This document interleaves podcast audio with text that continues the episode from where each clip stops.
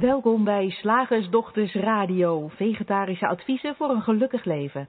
Linda Spaanbroek en Angela Mastwijk geven je een kijkje achter de toonbank van de menselijke ervaring. Hoe werkt het daar nu echt? Wij maken gehakt van ingewikkelde concepten en fileren met liefde ook jouw leven. Dat alles onder het motto geluk. Mag het een onsje meer zijn? Goedenavond luisteraars, hier is Linda en met mij aan de andere kant van de lijn, helemaal vanuit Portugal, is Angela. Hi Angela, goedenavond. Hey, hallo. En uh, vanavond gaan wij het hebben over workaholism. En uh, voor we dat gaan doen, natuurlijk mijn gebruikelijke verzoek aan onze luisteraars uh, om je vragen aan ons mede te delen of aan ons door te geven via het uh, Q&A-vak wat je lager op de pagina ziet waar je op dit moment naar ons luistert. En podcastluisteraars, je weet het, welkom at deslagersdochters.nl voor jouw vragen over elk onderwerp dat je kan bedenken. Het hoeft niet per se over de uitzending van vandaag te gaan. Uh, elk onderwerp waar jij een vraag over wilt stellen is wat ons betreft oké.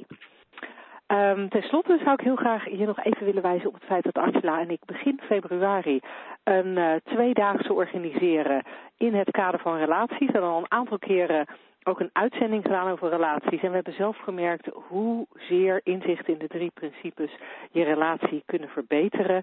Um, als die slecht is, kan die goed worden. Als die al goed is, kan die nog beter worden. Uh, dus ik zou je van harte willen uitnodigen om naar www.deslagersdochters.nl te gaan. En uh, daar op onze website uh, is verder te lezen over dit relatieweekend en te overwegen om met ons mee te doen. Maar vanavond, work workaholism. je hoort hem niet zo vaak in het Nederlands, hè? Nee, hè? Want, want hoe zeggen we dat in het Nederlands dan? Uh, ja, werkverslaafd. Of, uh, ja, werkverslaafd of je bent een workaholic, dat wordt nog wel genoemd. Oh, ja, dat, dat inderdaad wel, ja. Ja, dus, ja. het is grappig en ik, uh, ik, ik verwacht dat jij hier heel veel zinnigs over kan zeggen vanwege de aard van het werk wat je doet, of liever gezegd eigenlijk de aard van de klanten die je hebt. Want ja, als ik om mij heen kijk, heb ik, zie ik veel losbollende reizigers en pensionado's. die, die hun workaholism uh, een tijdje geleden al achter zich uh, hebben gelaten. Ja. Nou hoef je natuurlijk niet altijd een baan te hebben of een bedrijf te hebben om workaholist te zijn. Maar toch. Nee, ja, ik, misschien niet. Ik, ik kan me voorstellen dat er ook mensen zijn die een andere uh, tijdbesteding hebben dan een, uh, uh, dan een betaalde, dan, dan iets wat geld oplevert en een beetje dezelfde kenmerken hebben. Maar als wij ons even concentreren op, op, op inderdaad de, de workaholics onder ons. wat ik het interessant vind, ik heb het een paar jaar terug een keer een boek daarover gelezen. Um, dat ja, zeg maar workaholics, die zien wij voortdurend werken. en um, en ik denk dat er een aantal aspecten aan, aan zitten waar dat door, uh, door ontstaat. Uh, het boek wat ik, wat ik een tijdje uh, terug las, wat ik net al noemde, waarvan ik de titel ken ik helaas niet meer. Um, maar die ging ervan uit dat, dat een workaholic eigenlijk verslaafd is aan adrenaline. Mm. Dat je een, een, een soort constante stress bij jezelf oproept hè, in je werk. Je werk brengt een soort constante stress met zich mee. Lichte, dat kan lichte stress zijn, dat kan zware stress zijn. Uh, ik weet uit ander wetenschappelijk onderzoek dat ook lichte stress zorgt voor een verhoging van je adrenaline en je cortisol, uh, de, de adrenaline en cortisolniveaus in je bloed, waardoor je lijf um, anders gaat functioneren en en dat verhoogt het niveau van adrenaline, het verhoogt het niveau van cortisol. Dat zou iets zijn waar je verslaafd aan kan raken. Dus op het moment dat je in een bepaalde periode veel werkt, uh, en, en, en, en veel van die adrenaline en daarmee van die cortisol produceert, zou het kunnen zijn dat, dat je daaraan wendt en niet meer terug wil. Dat zou de, de, de lichamelijke component daarvan zijn. Hmm. Zelf, zelf zie ik uh, ook dat er een, een uh, en, en, die zie ik eigenlijk zelfs helderder. ik geloof best wel in de lichamelijke component hoor. Maar ik denk dat de, psychologische component veel sterker is. Dat als je, uh, als je kijkt naar mensen die, die workaholic zijn. En ik denk dat ik daar zelf ook een tijdje best wel last van heb gehad.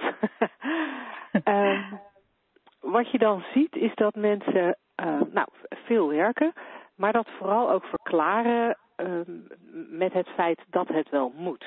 Het kan niet anders. Ze hebben heel veel gedachten over het feit dat, dat alles wat, er, wat ze bedenken of wat hun omgeving bedenkt, dat dat ook daadwerkelijk moet gebeuren. Um, nou, ga, gaan dus hard werken om te proberen die to-do-lijst af te krijgen. Maar of de omgeving of zijzelf verzinnen er van alles bij om, dat, uh, ja, om die stapel werk uh, groter te maken, uh, waardoor ze eigenlijk niet kunnen stoppen. En, en dat heeft in mijn ogen meer te maken met hoe mensen er tegenaan kijken. He, hoe, hoe ze aankijken te, tegen hun verplichtingen, wat ze zichzelf wijsmaken over wat er allemaal moet. Um, als ik kijk naar mijn klanten, dan zijn dat dingen als de boeklancering moet echt in november. En als ik dan vraag waarom, nou ja, want, want anders kunnen we niet snel genoeg beginnen met de promotie van het volgende. Ja, en waarom is dat erg? En er komen vrij veel argumenten. Op een gegeven moment houden die argumenten wel op. Maar wat dan interessant is om te zien, dat, dat de deadline die zo iemand zichzelf geeft, en nogmaals, dat is iets wat ik zelf ook heel veel heb gedaan. Dus ik, ik zit niemand zwart te maken, want uh, ik binder dan dat. dat, dat. Ja, binder dan dat. Uh, maar de deadlines die we onszelf uh, stellen, uh, of de, ja, laten we het even houden op de deadlines die we onszelf stellen, die, die, die zijn echt zelf bedacht. En daar hebben we vaak niet in de gaten. We hebben vaak ook niet in de gaten dat wij zelf bedenken dat er van alles misgaat als we dit nu niet acuut doen.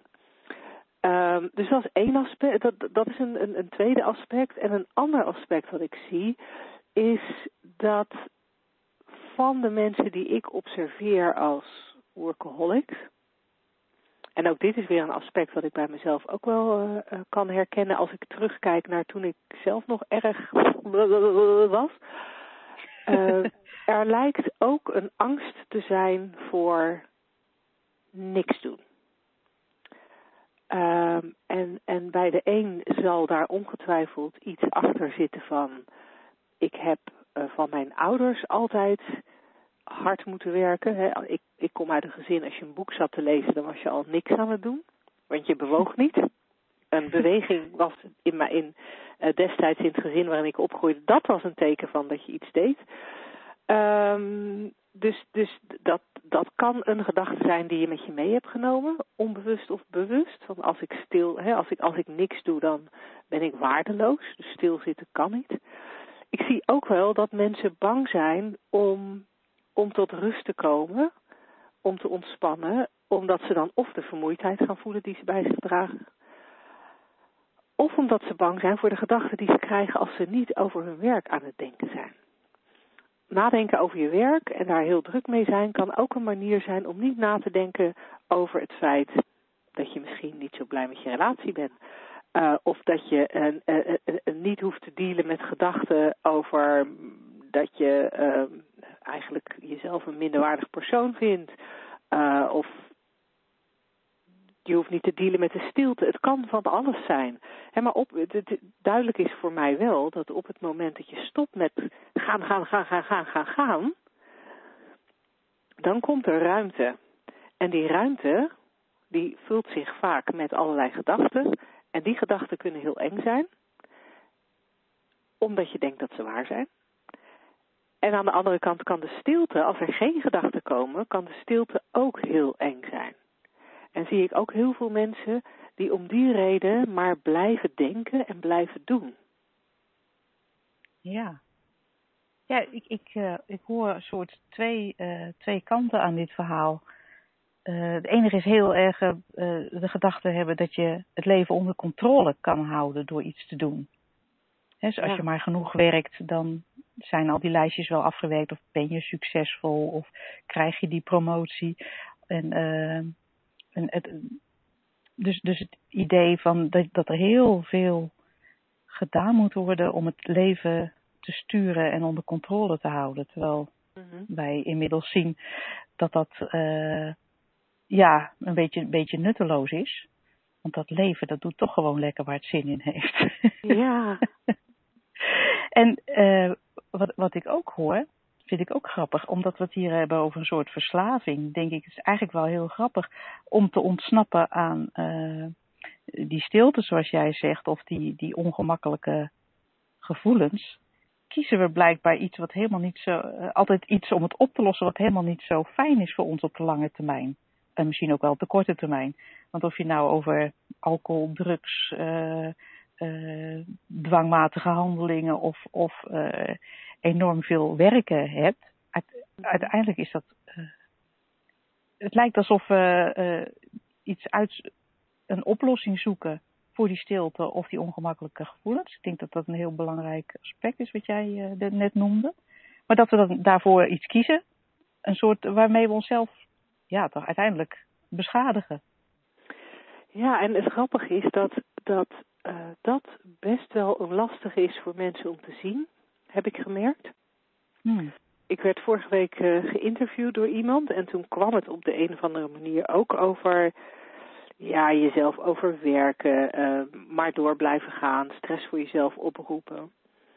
En, en nou, ik, ik vertelde over hoe dat bij mij veranderd was. En toen, en toen zei zij, uh, ja, maar door, dat, door op die manier te werken heb je wel bereikt wat je nu hebt bereikt.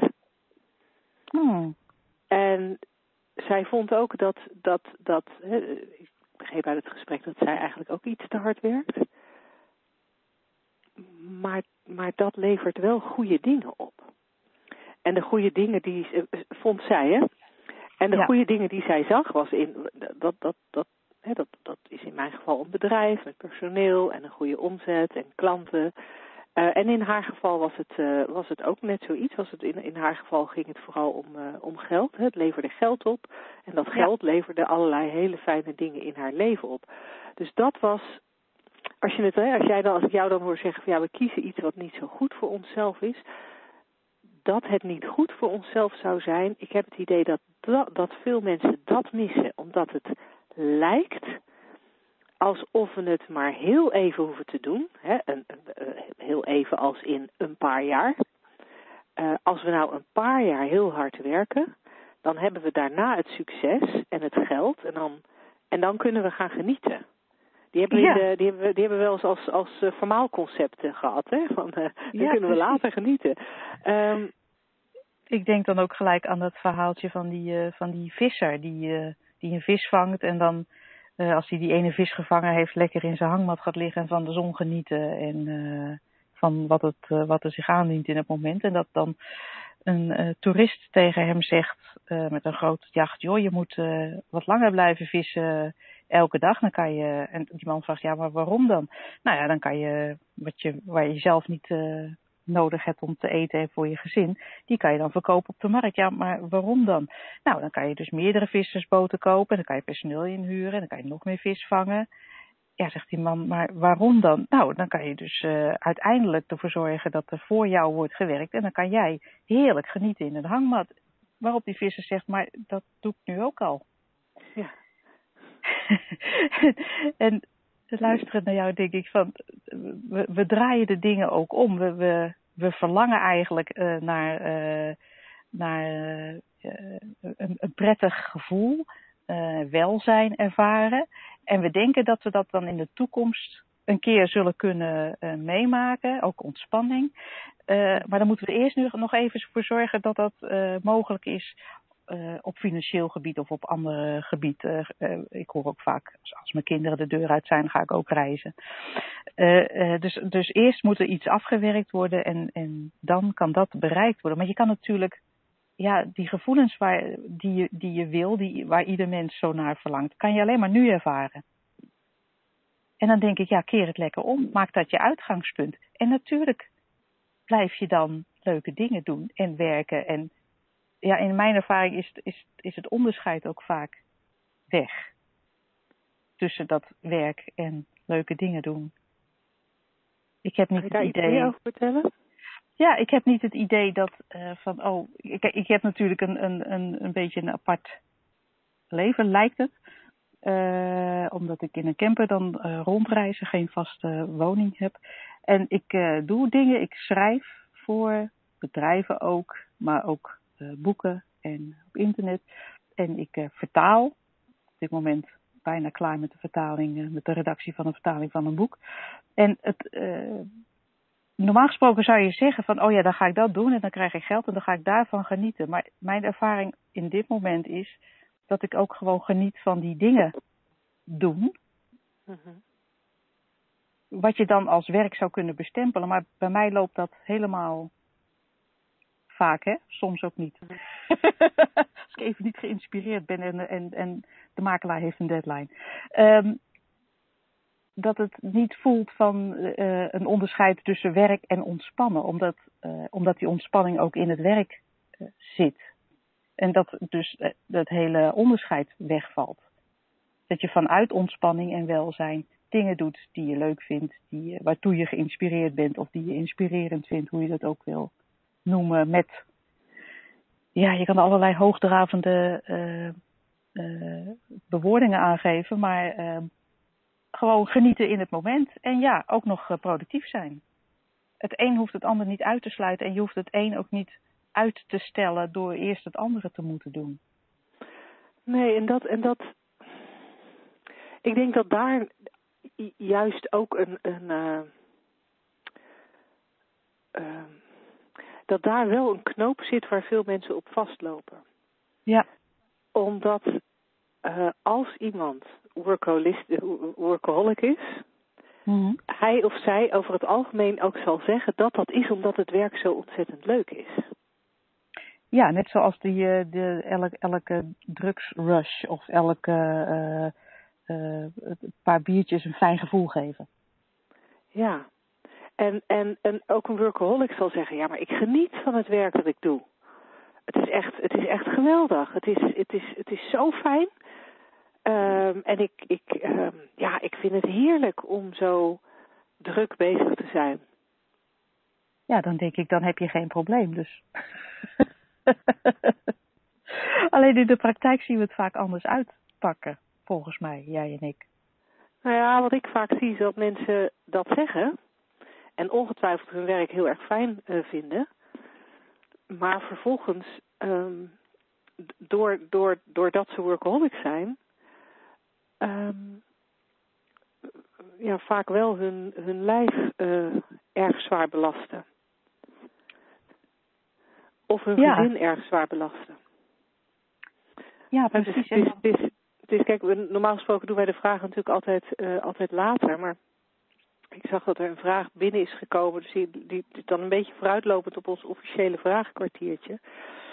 Van iemand die zegt van, um, ja, ik merk dat ik alsmaar roep nog, nog, nog één dingetje afmaken. En ik merk dat ik in het weekend ook specifiek mee wil met een van mijn kinderen naar badminton, zodat ik nog een uur heb om daar ideeën te genereren, zodat ik die de rest van het weekend kan uh, uitwerken. En ik maak mezelf en mijn kinderen er gek mee, maar ik kan er niet mee stoppen. Dus dat is iemand die aan de ene kant het heel erg leuk vindt wat ze, wat ze doet. Mhm. Maar aan de andere kant niet kan stoppen. En, en als, ik, als ik dit goed interpreteer, uh, ook geen tijd voor de kinderen heeft, wat ze eigenlijk wel zou willen hebben. Ja, en dat, uh, ik, ik denk dat ik kan er niet mee stoppen, dat dat een hele duidelijke aanwijzing is. Dat, dat er dus geen vrijheid in zit, laat ik het zo even zeggen. Hè? Dat, en dat is natuurlijk bij alle uh, verslavingen die wij hebben, alles wat wij gebruiken om niet uh, die rust en te hoeven ervaren of onze ongemakkelijke gevoelens te hoeven ervaren. Kijk, als daar geen vrijheid meer in zit, dat is volgens mij een, een teken dat, dat we met een verslaving te maken hebben en, en dus ja, dat, dat je daar jezelf mee tekort doet, mee, mee, mee beschadigt. En, en dat geldt natuurlijk zowel voor uh, als je geen vrijheid hebt om het derde biertje te laten staan of uh, bij, na één glas wijn te stoppen. Mm dat, en hetzelfde geldt natuurlijk voor werk als je niet de vrijheid hebt om te zeggen, nou ja, dit weekend doe ik niks. Omdat je dan dus ja, dat je gedachten me, met je op de loop gaan en, en, en je helemaal opgejaagd wordt. ik denk dat dat, een, dat dat een belangrijk kenmerk is van, van verslaafd zijn. En dat je daar best even een stapje terug in mag doen om te kijken van hé, hey, uh, hoe, ik, ik, beperk mezelf hier dus. Wat dus niet wil zeggen wat je, dat je nog steeds een biertje kan nemen of een glaasje wijn. Of uh, uh, gezellig kan werken. Geïnspireerd kan werken. Ja, ja. Ja, ik vind ook mooi wat je, wat je aangeeft van de beperking. Hè? Dat, dat als je beperkingen ervaart, wat die beperkingen dan ook zijn. En in dit geval blijkbaar haar kinderen er gek meemaken, zoals ze dat zelf noemt. hey, nou, hadden wij gezegd van uh, um, in de aankondiging van dit onderwerp dat wij ook zouden vertellen hoe je ook zonder 12 stappen programma kunt genezen als je jezelf hebt herkend als, alco uh, als alcoholist, als uh, workaholic. ja, mooi is dat. Hè? Ja, en ik vind het zo, zo, zo prettig aan, aan die three principles van waaruit wij dit programma presenteren en waar wij steeds over praten, mind consciousness en thought, dat, uh, dat dat heel eenvoudig is en eigenlijk geen, geen instructies heeft van, van twaalf stappen of andere uh, tips en nuttige wenken. Maar eigenlijk dat er altijd maar één uh, manier is om er naar te kijken en dat is zien hoe je je realiteit creëert en daarmee niet vrij zijn van die menselijke ervaring, maar vrij zijn er middenin en dat geldt dus natuurlijk ook voor, voor in je werk. Als je ziet dat je, als je naar binnen kijkt en ziet dat je die drang om alsmaar meer te werken of uh, die lijstjes af te werken of uh, in het weekend uh, nog aan de gang te gaan. Dat je die drang zelf creëert met allerlei gedachten die je hebt over hoe je het leven zou moeten, eruit zou moeten zien, hoe je werk afgewerkt zou moeten worden en hoe, hoe je alles onder controle wil hebben. Dus je ziet dat je dat zelf creëert en dat je en dat, en dat daarmee eigenlijk het jou loslaat. Want dat is zoals ik het zie. Het is niet iets wat je af, dat je, dat je iets af moet leren. Van oh, ik moet die drang om te werken afleren. Uh, ik zie het, als je ziet dat het gewoon een illusie is, al die, al, alles wat je daarmee wil bereiken. Omdat die gevoelens waar je, die je wil hebben hè, van tevredenheid en waar we het net al over hadden, oh, dat die al in je zitten, dan is de enige stap eigenlijk kijk naar binnen. Zie wat je daar, dat je het daar allemaal creëert. En ja, ja zowel bij jou als bij mij uh, we zien we steeds vaker dat het dan vanzelf loslaat en komt het nog wel eens terug? Ja hoor. en daar is niks mis mee. Vooral niet als je in zo'n moment of daarna of na tien minuten of na een dag voor mijn part uh, stressen, je realiseert, ik verzin dit zelf. Ja. Ja, dat is voor mij wel echt het aller, allerbevrijdendste. Dat, dat, dat ik kan zien dat ik het zelf, dat ik het echt zelf verzin. Ja. Totaal. En, uh, en ja, dan voelt het echt. Hè, want dat, dat hebben we natuurlijk vaker gezegd. Er komt iets in gedachten, je bewustzijn haalt daar allerlei zintuigelijke waarnemingen bij, waardoor je van alles gaat voelen. Hè, je bewustzijn is, is, is het special effects department dat dat wat je denkt heel erg levensecht maakt. Dus ja, het voelt heel levensecht maar je verzint het altijd zelf. En als je het zelf verzint en je kunt dat gaan zien, dan kun je ook gaan zien dat de deadlines een illusie zijn. En dat, dat nou ja, al die dingen waarvan je vindt dat ze per se gehaald moeten worden, eigenlijk een illusie zijn. En dan heb je de vrijheid om te doen wat je op dat moment het uh, fijnste vindt, het prettigste of het meest verstandig. Ja, en ik heb, het, is, het is grappig. Uh, ik, ik realiseerde me dat ik ook, ook de afgelopen uh, vijf jaar dat ik rondreis, heb ik nog nooit een deadline gemist. Nee, en ik heb je er pas één keer over gehoord. Toevallig heel, heel, kort geleden dat je een keer, ik heb een deadline. Ik dacht, hé, hey, ja. daar heb ik er nog nooit over gehoord. nee, nee, nee, dus dat is wel heel grappig. Ja, Nou ja, en ik, ik merk precies hetzelfde. Dat er is, uh, uh, er is niets misgegaan. Ik, ik, heb, nee, ik, ik, werk heel veel minder. Ik doe de dingen heel veel relaxter.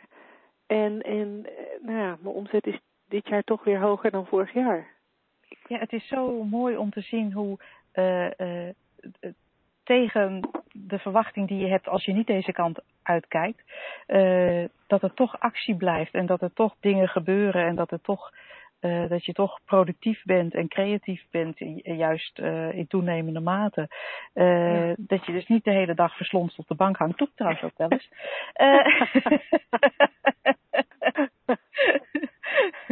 dus nou, we hopen dat we dat misverstand een beetje, een beetje uit de weg hebben geruimd.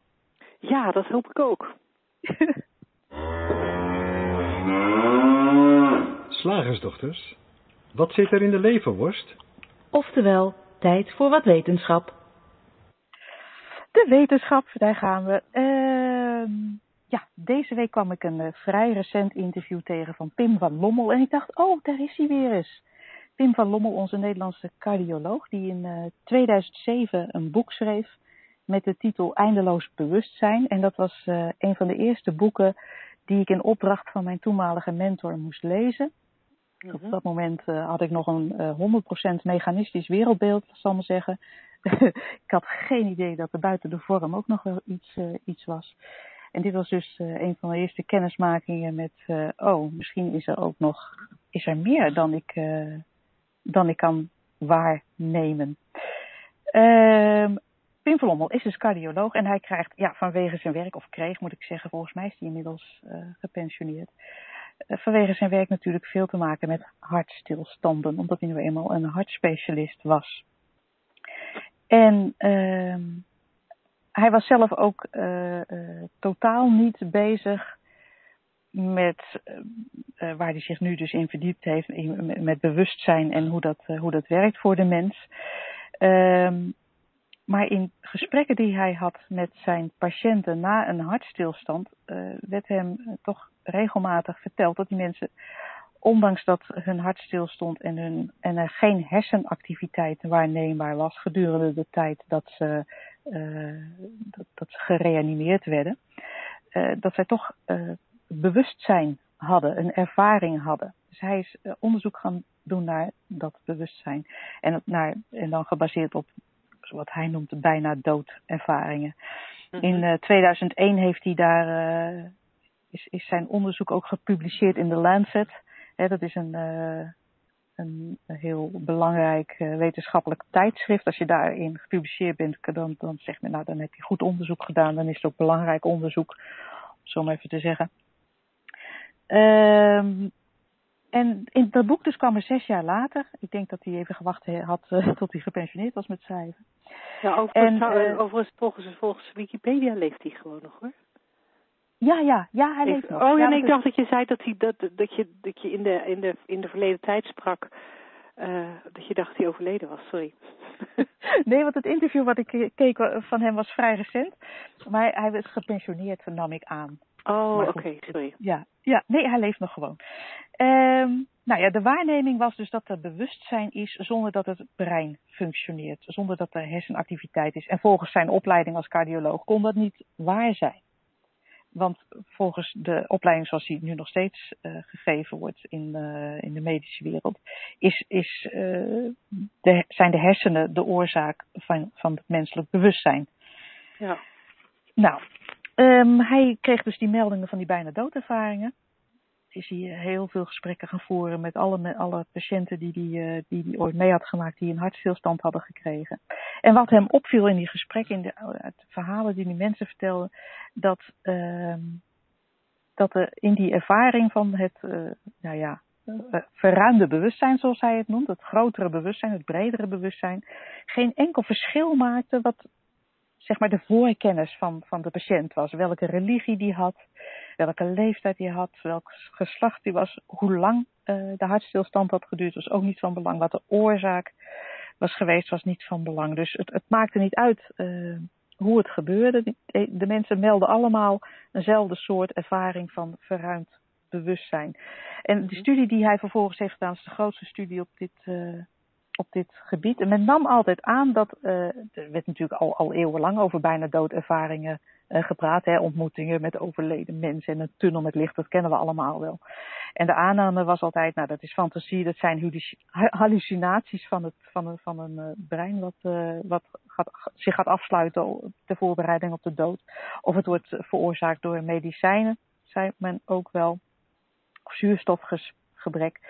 Maar Pim van Lommel heeft dus ontdekt dat er uh, voor die ervaring geen enkele fysiologische, psychologische of farmacologische verklaring was. Mm.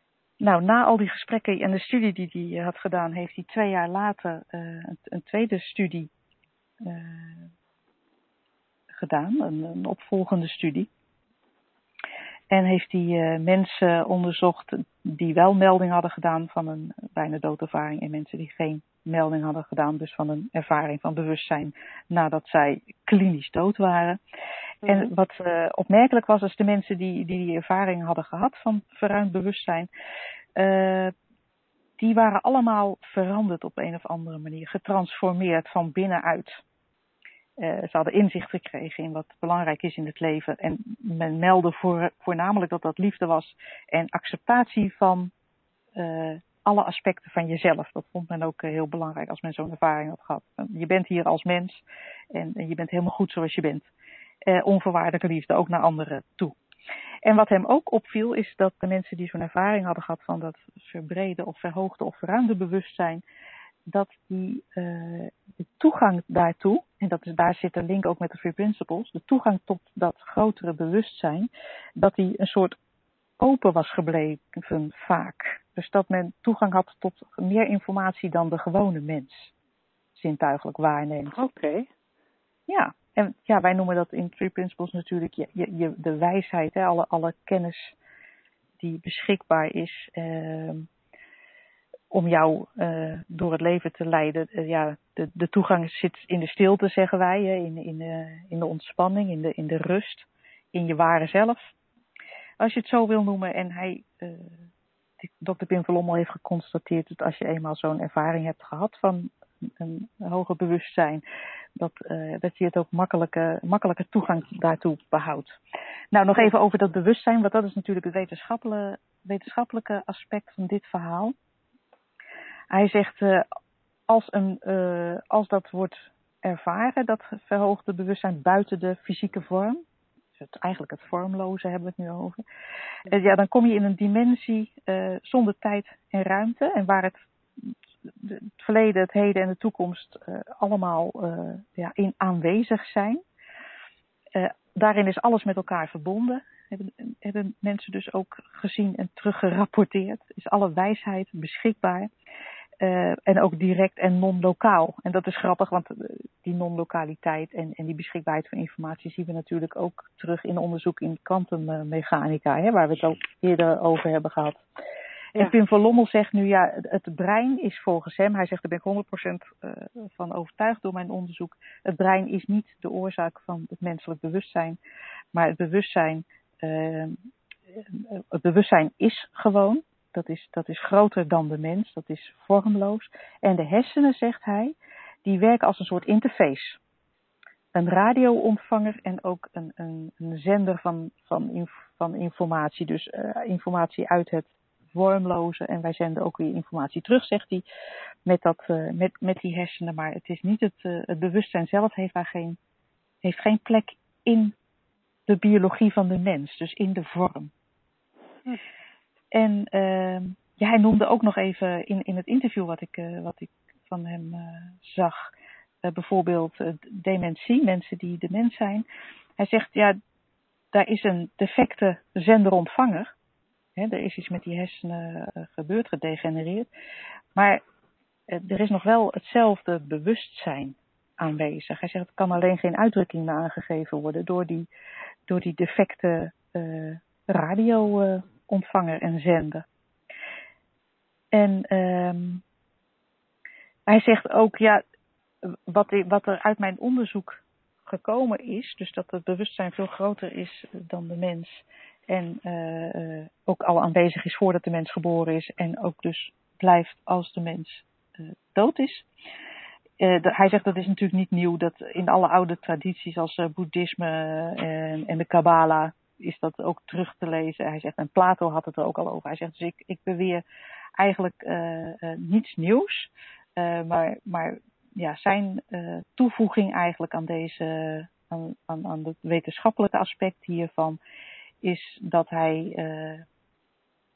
nou ja, dus, dus heeft kunnen horen uit eerste hand dat mensen die dus klinisch dood waren, nog steeds, ja, dat zij de ervaring hadden, is een beetje raar om te zeggen, maar dat er nog steeds een ervaren was, een bewustzijn was. Ja, ja. Nou, dat, ja. Wauw. Ja. Cool. Ja. ja, ik vind het, ik vind het, wat dan gaat ook steeds weer bijzonder hoe er, um, hoe er eigenlijk vanuit wetenschappelijke hoeken zoveel uh, bewijs is een beetje een groot woord, maar eigenlijk zoveel in dezelfde richting wordt gewezen. Eigenlijk ja. zoveel, ja, laten we het toch even bewijs noemen. Ja, er zoveel bewijs is dat de dingen die in, die, die in spirituele kringen worden uh, benoemd of die in, waarin uh, religieuze kringen naar wordt gewezen, uh, dat, dat daar meer en meer van duidelijk wordt dat, ja, dat dat in ieder geval wetenschappelijk ook in, de, in dezelfde richting wijst. Dat vind ik ja, wel... mooi is dat, hè? Mooi, ja, dat is het goede woord. Ja, ja wij, we hadden het een tijdje geleden ook over biocentrisme. En want dat viel mij erg op. Want die, daarin werd precies dezelfde uh, zinsnede gebruikt. Van uh, het bewustzijn is geen gevolg van van iets, van het menselijk bestaan. Het is, de, het is er de oorzaak van. Het ligt ten grondslag aan alles. Het is er ook nog als de mens er in de vorm niet meer is. En uh, ja, alle, alles, uh, alles uh, lijkt dezelfde richting in te wijzen. En ja, ja, vind ik leuk. Boeiend. Ik ook.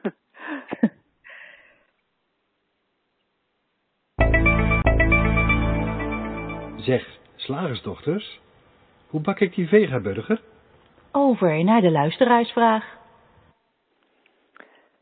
Dan heb ik net natuurlijk alleen de luisteraarsvraag die binnen was gekomen al uh, verspeeld. Je hebt hem al versnoept, maar gelukkig heb ik er ook nog een op de mail gekregen. Ah, mooi. Ja. Nou, naast de complimenten voor jullie podcast en radioshow heb ik een vraag, zegt Mildred.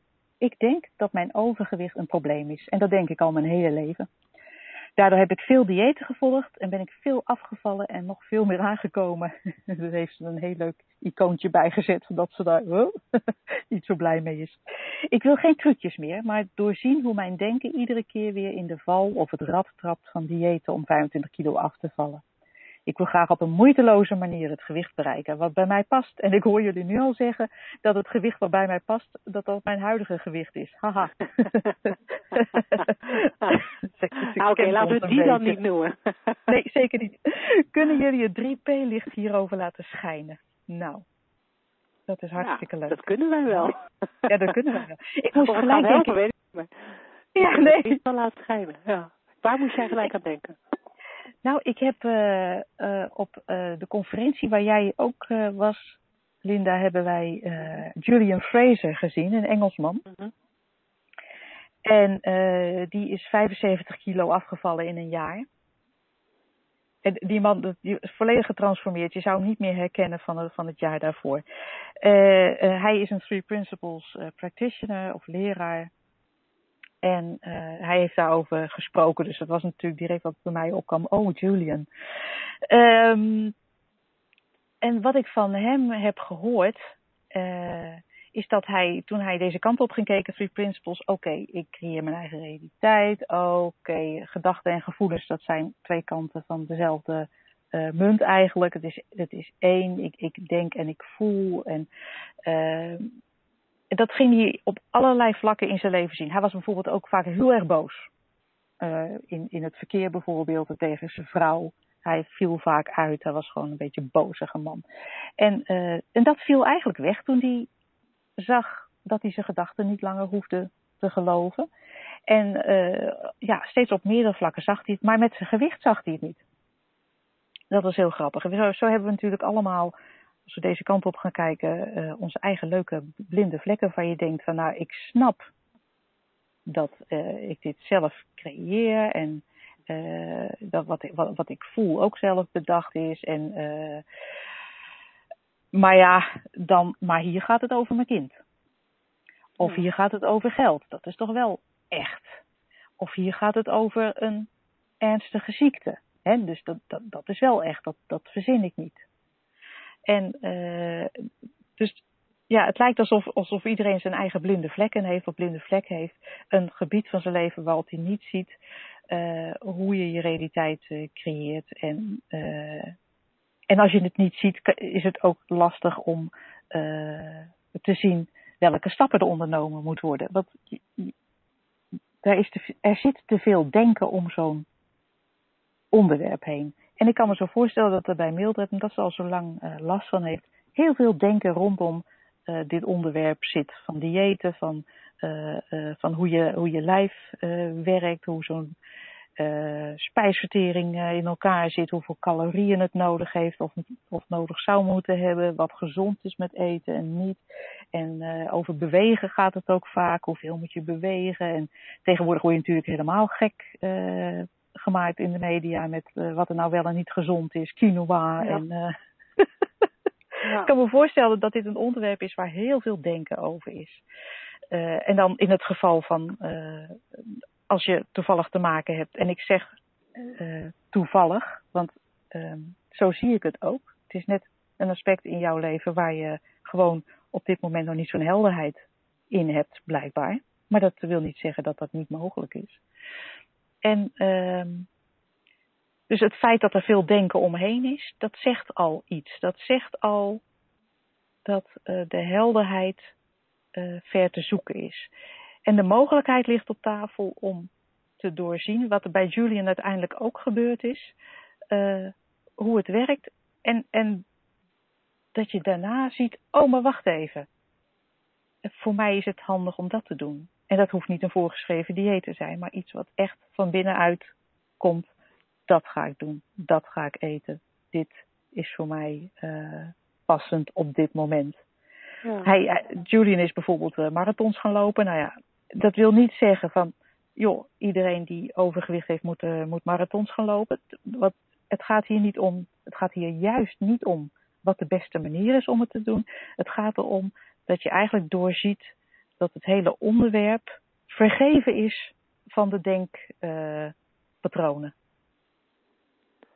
Ja, ja want, want ik, ik ken iemand anders, een andere drie principles practitioner, die veel afgevallen is doordat ze zich realiseerde dat haar cravings ook maar een gedachte waren. Bijvoorbeeld? Dus dat het feit dat ze dan he, iets, iets moest eten, dat, dat kon zij op een gegeven moment herkennen als een gedachte die ze niet hoefde te volgen. En, en zij ging herkennen dat als ze gewoon wat anders ging doen, dat die craving ook weer weg was. Um...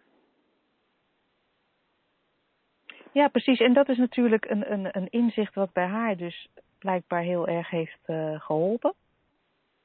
En wij kunnen natuurlijk niet voorspellen wat voor Mildred het inzicht of de inzichten gaan worden, waardoor zij uh, ja, doorziet wat het uiteindelijk is. Ja, ik heb nog wel een leuke, een leuk, misschien een leuke toevoeging. Ik uh, ja. ben al een tijdje bezig in het, uh, in het boek uh, The Little Book of Change van Amy Johnson. Um, ja. Amy is een, een psycholoog die um, zelf gekampt heeft met uh, eetstoornis. Eetstoornissen, ja. volgens mij had ze, had ze er twee, als ik het goed begrijp. en haar, um, dus nou, daar, zij heeft daar een boek over geschreven en uiteindelijk kun je, is, is, is, als je het boek leest, is, is er heel veel natuurlijk zoveel algemener bruikbaar uh, voor andere dingen dan per se eetstoornis. Het gaat op voor alle verslavingen, maar het gaat eigenlijk op voor elk gewoontegedrag wat we hebben.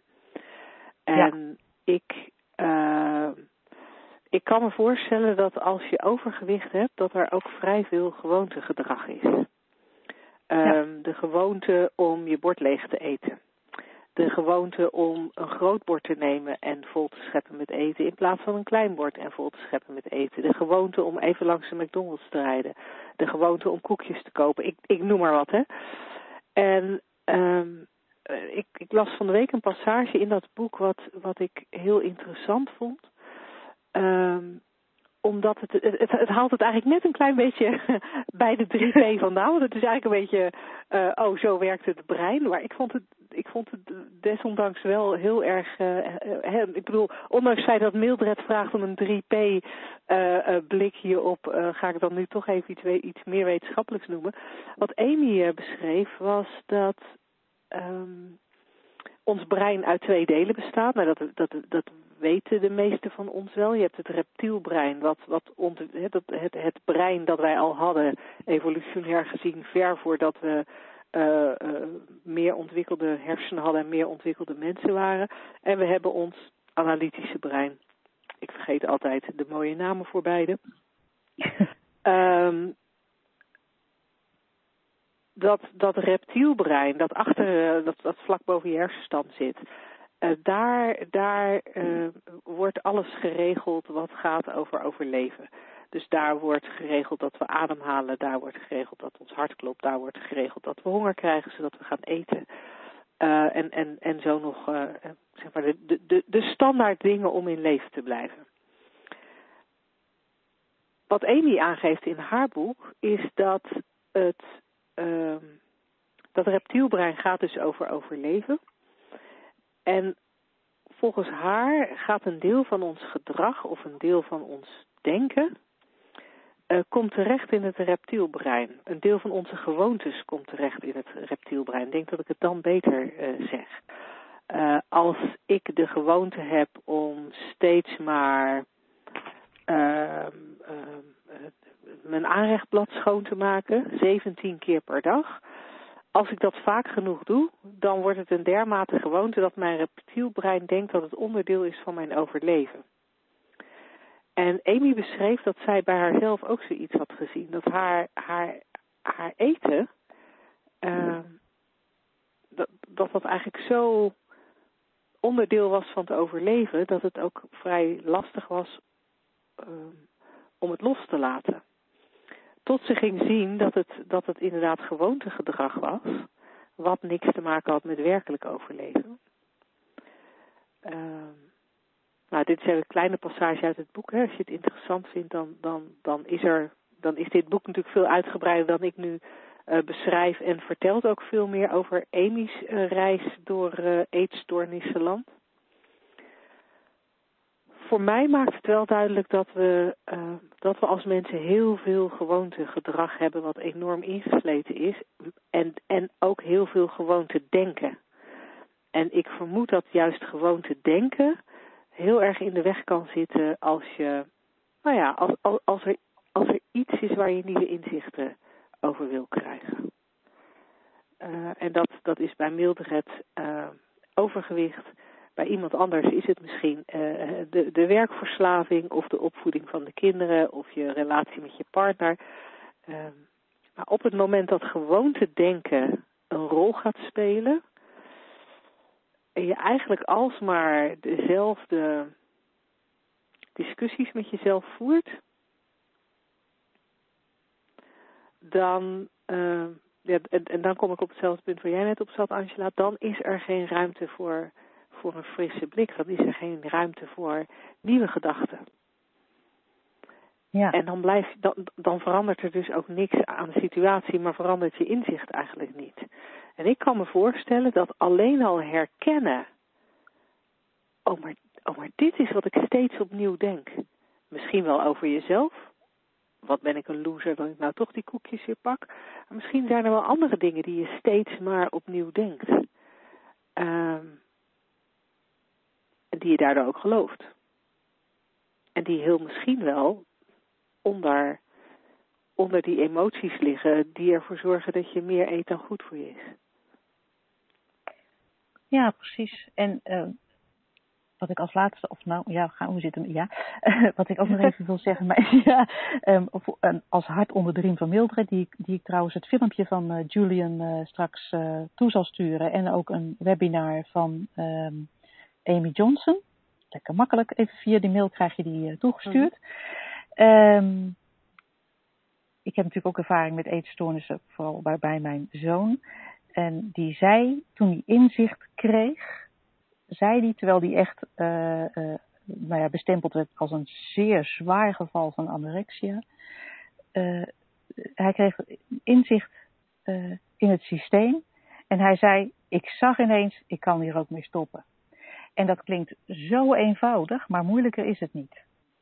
Of laat ik zeggen, moeilijker hoeft het niet te zijn. Nee. En het klinkt echt zo van, ja, je, je neemt het niet serieus, maar ik, ik kan je verzekeren, uh, de psychologen om hem en psychiaters om hem heen stonden op hun kop van angst. Uh, dat, dat, dat die uh, door zou slaan en dat het niet meer goed zou komen.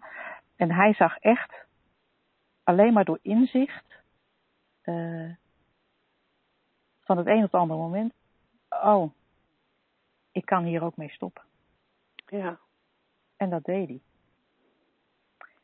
Dus er is veel mogelijk. Ja, nou ik hoop uh, Mildred dat we hier een klein beetje het inzicht hebben gegeven waar je op hoopte. En uh, anders uh, zullen Julian en Amy dat via de filmpjes nog even dunnetjes over doen. Hey, heel veel succes en dankjewel voor je vraag. Um, wij gaan naar het laatste onderdeel van onze radioshow voor vandaag. Woensdag, gehaktdag. Zeg slagersdochters, welk concept gaat er vandaag door de molen? Oh, die vind ik zo leuk. Want ik, ik, heb hem ook heel vaak gehoord tegen mij. Ja, ja, ja. ja. Jij, Jij hebt makkelijk praten. praten. Kijk, jij hebt makkelijk praten, want jij woont in een camper. Ja, dus jij hebt geen hypotheek. Dus jij hebt dus, een hypotheek. Ja, jij kan een beetje gewoon uh, een beetje lossig werken, als je daar zin in hebt. Ja. En, en ik heb en makkelijk jou... praten, want, want ik heb tenminste, ik woon tenminste niet in een camper. Ik woon ja. tenminste gewoon in een huis. Met een hypotheek. Weet je, dat is toch makkelijker dan zo'n camper die stuk kan gaan en waar je mee moet rondreizen. En je weet nooit precies waar je terecht komt, ja. ja, ja, en jullie hebben makkelijk praten, dus jullie kinderen zijn al volwassen. Dus ja, dan hoef je daar geen zorgen over te maken. Nee, ja, zo zijn natuurlijk. Je hebt al een hoge omzet. Ja. Ja.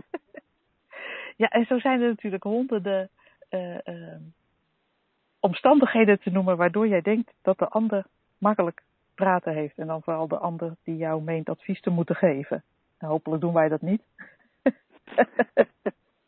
wij zijn mensen gewoon terug naar hun, uh, de wijsheid die ze in zich hebben. Maar het, ja, het lijkt er te zijn als je zegt jij hebt makkelijk praten, dat uh, het, het makkelijk praten afhankelijk is van de omstandigheden.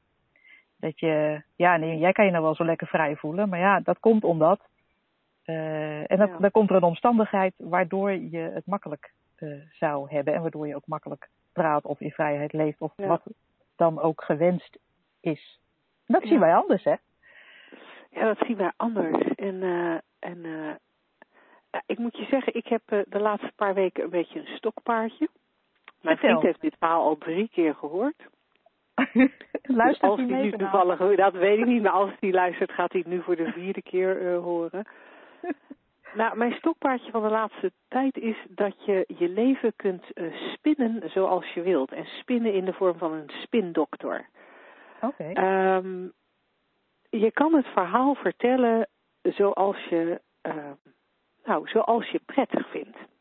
En mm. ik heb het idee dat um, de tendens een beetje is, en of dat nou onze cultuur is of onze menselijke aard, ik heb geen idee, maar de tendens is een beetje om een verhaal uh, uh, te spinnen richting drama. Uh, dus wij, dus, dus uh, zeg maar, mijn stokpaardje ontstond doordat Oscar en ik in onze omgeving een aantal mensen kort naar elkaar tegenkwamen, die eigenlijk allemaal zeiden een variant van, ja, maar jullie hebben makkelijk praten. Um, en toen ging ik daar eens over na zitten denken. En, en, en de mensen die wij dan tegenkwamen, die hadden dan een, een, een, een verhaal wat, wat, ja, wat ze vertelden als, als, als zwaar en dramatisch en erg. En uh, toen ging ik er zo op een, gegeven, op, op een gegeven moment dacht ik daar zo eens over na. En toen dacht ik, ja, maar als ik mijn afgelopen jaar een dramatische twist zou willen geven, dan is het ook een heel zwaar jaar geweest. Want ja, ik ben wel. En weet je, nu vertel ik het verhaal. Ja, weet je, ik ben. Uh, Ik heb zes en een half week rondgereisd in een, uh, in, in een camper die ik uh, nieuw had gekocht. Met mijn nieuwe vriend en onze, onze wederzijdse kinderen. Nou, echt jongen, het was zo leuk, het was zo gaaf. Maar ik zou hetzelfde verhaal, en dan zou ik nog steeds de waarheid spreken, ook kunnen vertellen als. Nou ja, toen gingen we dus met die camper en het was een tweedehands camper. Nou ja, dat was natuurlijk, dat was natuurlijk eigenlijk al fout nummer één om zo'n oude camper te kopen. Want hij bleek lek te zijn onderweg is de, de, de, de ruitwissers stuk gegaan. Toen hebben we anderhalf uur langs de kant van de weg gestaan, omdat we die ruitwissers niet konden repareren. Uh, vervolgens ging er iets mis met verlichting. Weer anderhalf, twee uur van mijn vakantie. Nou, wat zeg ik, twee uur? Ik denk wel vier uur van mijn vakantie kwijt. Want we moesten van de ene garage naar de andere garage. Niemand kon het oplossen. Op een gegeven moment hebben ze anderhalf uur ermee bezig geweest. En toen kwamen ze erachter dat het een zekering was. Dus voor niks helemaal uh, aan die camper met, met, met, met steen slijp, of hoe noem het, van slijptollen en weet ik het allemaal. Nou, dat, dat, dat was dus echt heel vervelend. En, en wat ook heel vervelend was, in die periode zaten we net in een periode dat we anderhalve week achter elkaar regen hebben gehad. En dan zit je dus, hè, met die drie kinderen in zo'n camper. Alles is nat. En dan ken je elkaar dus nog niet zo. Nou, ik bedoel, je snapt. ik, ik kan zo nog wel een tijdje door. Jij hebt helemaal niet makkelijk praten, Lin. maar ik, ik vind het dus echt fascinerend dat ik mijn leven, waarvan mensen zeggen, ja, maar jij hebt makkelijk praten, want jij hebt een leuke vriend en jij kan lekker zes weken op vakantie. Het is maar net hoe ik het vertel. Ja. Het is echt maar net hoe ik het vertel. En, en, um, dus tegenwoordig als iemand tegen mij zegt, jij hebt makkelijk praten, dan, heb ik, dan, dan denk ik bij mezelf, joh, ja, drama queen. En dat is dan weer helemaal niet aardig. maar dat is wel wat ik denk. Ja, nou dat is inderdaad, dat is heel grappig, zo had ik het niet bekeken, maar eh, dat is inderdaad, uh, dat is heel waar.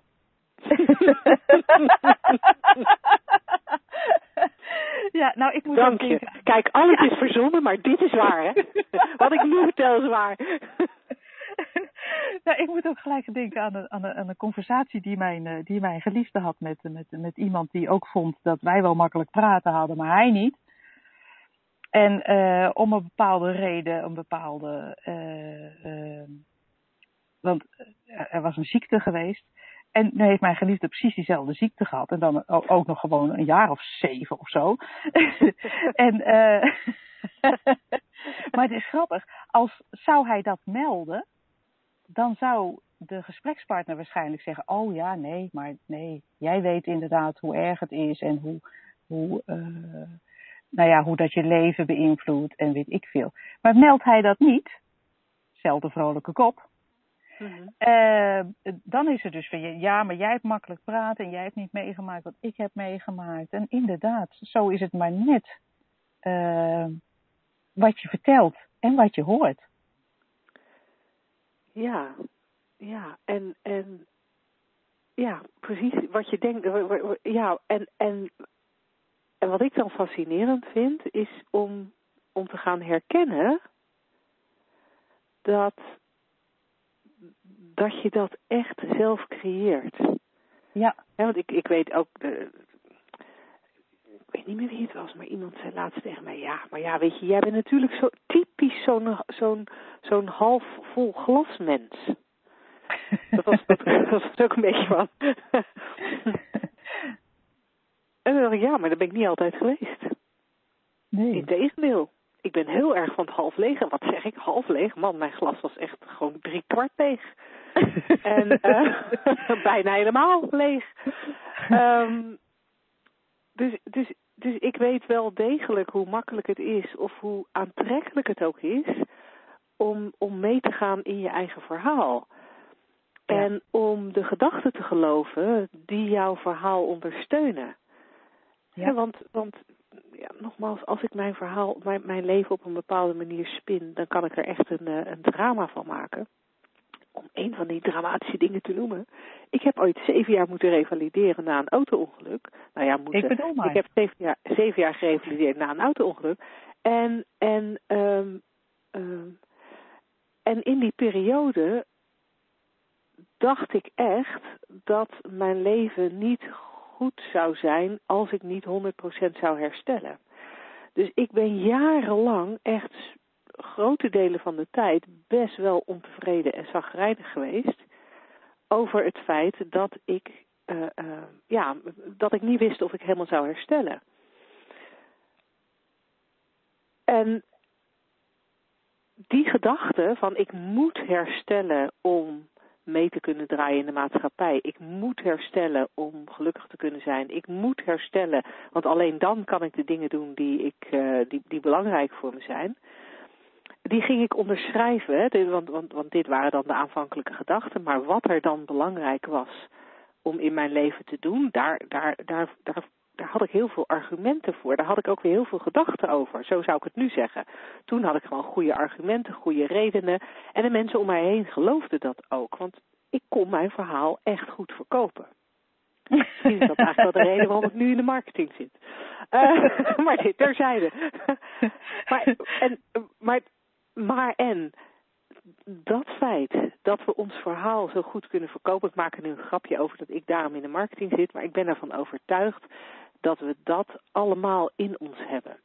We hebben een gedachte en die gedachte die voelt waar en dus gaan we argumenten verzinnen om het nog waarder te maken en om, het, om, om te laten zien dat het echt klopt, waardoor je er een hele, hele constructie van maakt. En eigenlijk is het een hele gedachteconstructie, maar het voelt allemaal zo ontzettend echt. En de buitenwereld, die zich meestal niet bewust is van het feit dat je gedachten een illusie zijn, die gelooft wat jij zegt. Want die, ja, die weten ook niet beter wat je denkt is waar. Dus die gaan met je mee en die gaan zitten bevestigen dat het klopt. Dat het heel erg voor je is dat je nu misschien niet, nou, dat, dat je niet meer kan tennissen. Dat is inderdaad heel erg voor je. um, een vriendin van mij heeft daar altijd een hele, hele mooie uh, oplossing voor. Als dat soort verhalen uh, opkomen, die zij zelf ook niet langer gelooft. Hè, want dat is wat we in de aanbieding hebben: je eigen verhalen niet langer geloven. die zegt altijd: wat oninteressant, vertel daar eens wat minder over.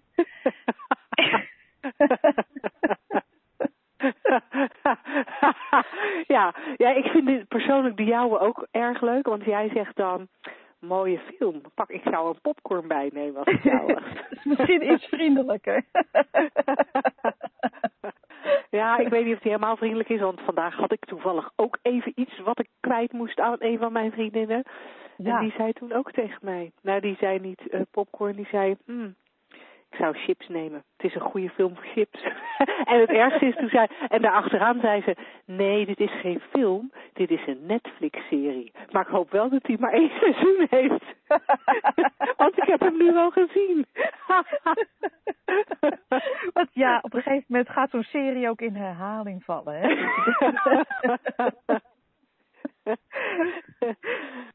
ja. ja. Ja, ja, nee, dus, dus ja, we, we creëren allemaal een beetje onze uh, eigen goede tijden, slechte tijden.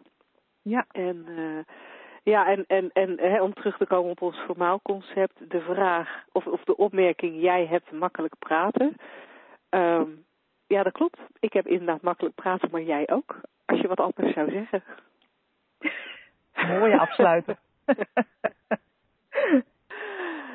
Luisteraars, dankjewel uh, voor het luisteren. Fijn dat je erbij was. Uh, hou ons relatieweekend in de gaten op onze website www.deslagersdochters.nl of check het uit, zou ik willen zeggen. Uh, we zouden graag met je aan de slag gaan uh, in het weekend van 4 en 5 februari. Angela komt er speciaal voor over uit Portugal. en um, voor nu een hele fijne avond of dag verder, afhankelijk van het tijdstip waarop je luistert. En graag tot de volgende keer. Tot dan. The moderator has left the conference.